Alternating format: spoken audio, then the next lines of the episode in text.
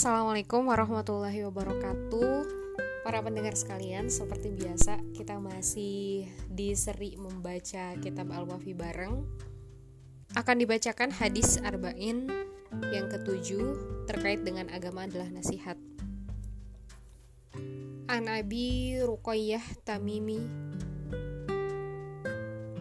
Tamimi ibni Ausid dari radhiyallahu anhu anna nabiyya sallallahu alaihi wasallam qala ad-dinun nasihah.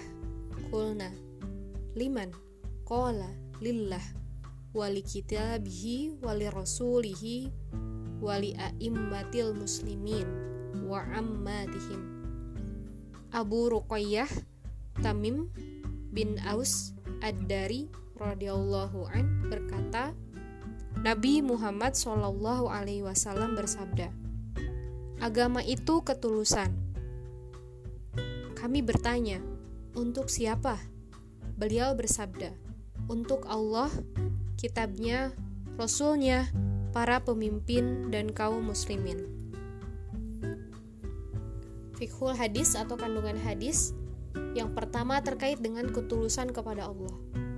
Hal ini terimplementasi dalam bentuk iman kepada Allah Subhanahu wa taala, tidak menyekutukannya tidak mengingkari sifat-sifatnya, meyakini bahwa kesempurnaan hanyalah miliknya, mensucikannya dari semua kekurangan, ikhlas dalam beribadah, senantiasa taat, tidak berbuat maksiat, mencintai karenanya, membenci karenanya, loyal kepada orang-orang yang taat kepadanya, dan tidak loyal terhadap orang-orang yang berbuat maksiat kepadanya. Komitmen terhadap masalah ini dalam setiap ucapan maupun perbuatannya akan mendatangkan kebaikan bagi seorang muslim di dunia dan di akhirat. Poin kedua adalah ketulusan kepada Al-Quran. Hal ini terimplementasi dalam bentuk iman kepada kitab-kitab samawi yang diturunkan Allah dan meyakini bahwa Al-Quran merupakan penutup dari semua kitab-kitab tersebut. Ia adalah kalam Allah yang penuh dengan mukjizat, yang senantiasa terpelihara, baik dalam hati maupun dalam bentuk tulisan. Allah sendirilah yang menjamin hal itu. Allah berfirman, "Sesungguhnya kami yang menurunkan Al-Qur'an dan kami sendiri yang akan menjaganya." Berdasarkan surat Al-Hijr ayat 9. Lebih rincinya, ketulusan kepada Al-Qur'an dilakukan melalui beberapa hal berikut. Yang pertama membaca dan menghafalkan, kemudian yang kedua membaca dengan tartil dan suara yang bagus. Yang ketiga mentadaburi nilai-nilai yang terkandung dalam setiap ayat. Kemudian mengajarkannya kepada kepada generasi muslim. Selanjutnya memahami dan mengamalkannya. Poin ketiga ialah ketulusan kepada Rasulullah Shallallahu Alaihi Wasallam. Hal ini terimplementasi dalam bentuk membenarkan risalahnya, membenarkan semua yang disampaikan, baik dalam Al-Quran maupun Sunnah, mencintai dan menaatinya. Mencintai Rasul secara otomatis mencintai Allah.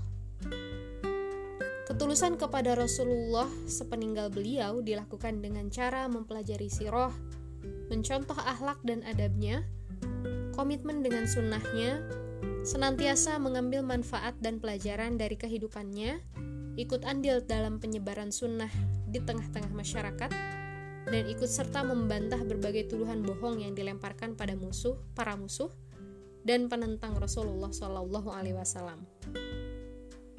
Poin keempat yaitu ketulusan kepada para pemimpin. Pemimpin orang-orang Muslim adalah para penguasa, wakil-wakilnya atau para ulama. Agar penguasa ditaati, maka penguasa tersebut harus dari orang Islam Allah berfirman, "Taatlah kalian kepada Allah, taatlah kepada Rasul dan penguasa di antara kalian." Ketulusan para pemimpin adalah dengan menyukai kebaikan, kebenaran, dan keadilannya, bukan karena individunya.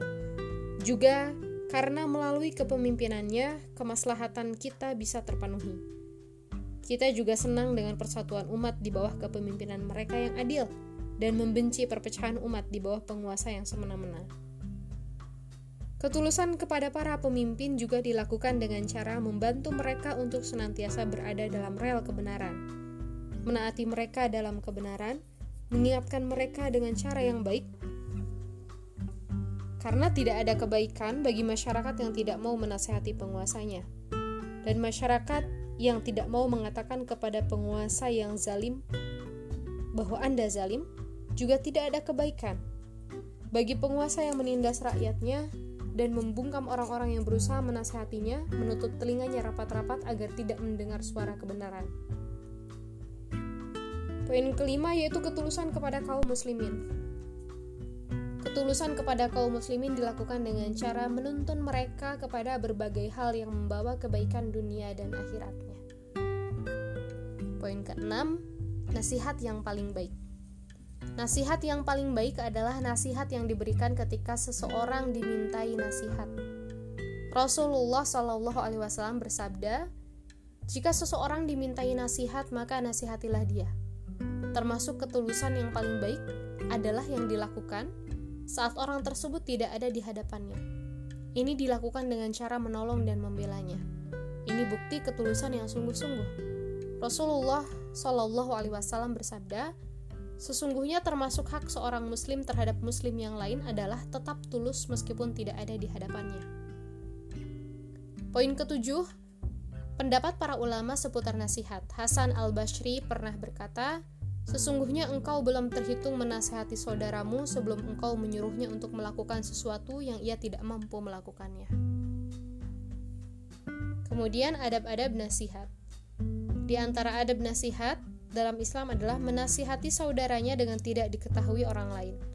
Karena barang siapa yang menutupi keburukan saudaranya, maka Allah akan menutupi keburukannya di dunia dan di akhirat. Sebagian ulama berkata, barang siapa yang menasihati seseorang, dan hanya ada mereka berdua, maka itulah nasihat yang sebenarnya. Barang siapa yang menasihati saudaranya di depan banyak orang, maka yang demikian itu mencela dan merendahkan orang yang dinasehati. Fudoil bin Iyad pernah berkata seorang mukmin adalah orang yang menutupi aib dan menasehati, sedangkan orang fasik adalah orang yang merusak dan mencela. Beberapa ibroh yang disinyalir oleh Ibnu Battal yang pertama, nasihat adalah Islam itu sendiri, sementara Islam dilakukan melalui ucapan dan perbuatan. Nasihat merupakan fardu kifayah. Kemudian orang yang merasa yakin bahwa orang yang akan dinasehati akan menerima dan tidak akan bereaksi negatif, maka dalam kondisi seperti ini wajib baginya untuk memberi nasihat. Namun jika sebaliknya, justru orang yang dinasehati akan bereaksi hingga membahayakan jiwa, maka dalam kondisi ia bisa memilih menasehati atau tidak. Sekian podcast untuk hadis arba'in ketujuh di hari ini. Semoga lancar ibadah di bulan Ramadan kali ini. Sekian, Assalamualaikum warahmatullahi wabarakatuh.